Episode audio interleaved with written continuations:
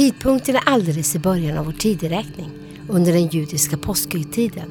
Platsen är Jerusalem. Det som såg ut att bli ett brutalt slut för Jesus som påstod sig vara Messias, Guds son, världens frälsare, blev till historiens största seger, helt utan jämförelse med något annat. Följ med i Markus evangeliet i berättelsen som förändrade historien. Del 2 av 7. Medan de åt tog Jesus ett bröd, tackade Gud, bröt det och gav åt dem och sa Tag, detta är min kropp. Och han tog en bägare, tackade Gud och gav åt dem och de drack alla ur den. Och han sa till dem Detta är mitt blod, förbundsblodet som är utgjutet för många. Amen säger jag er.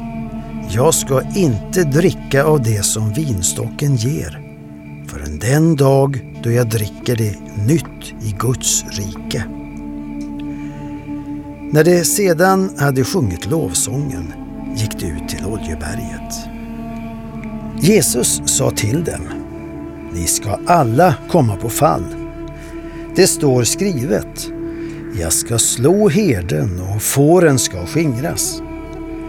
Men när jag har uppstått ska jag gå före er till Galileen. Då sa Petrus till honom. Även om alla andra överger dig ska jag inte göra det. Jesus svarade. Amen säger jag dig. Just denna natt, innan tuppen har galt två gånger, ska du tre gånger förneka mig. Men Petrus försäkrade ännu ivrigare. Om jag än måste dö med dig ska jag aldrig förneka dig. Så sa även alla andra. De kom därefter till ett ställe som heter Getsemane. Jesus sa till sina lärjungar Stanna här medan jag ber. Och han tog med sig Petrus, Jakob och Johannes.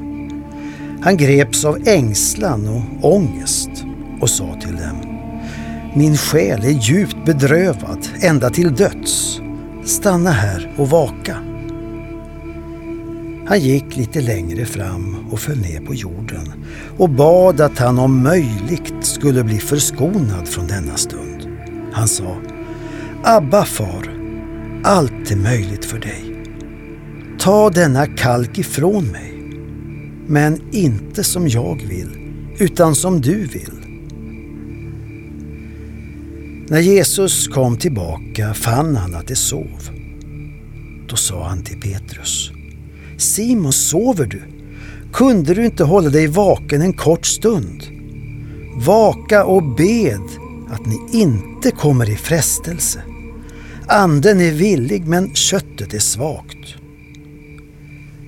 Han gick bort igen och bad samma bön. Då han kom tillbaka fann han att de sov. Deras ögon var tunga av sömn och de visste inte vad de skulle svara honom. Han kom tillbaka för tredje gången och sa till dem. Ni sover nu och vilar er. Det är nog. Stunden har kommit. Se, Människosonen ska utlämnas i syndarnas händer. Stig upp och låt oss gå. Han som förråder mig är här.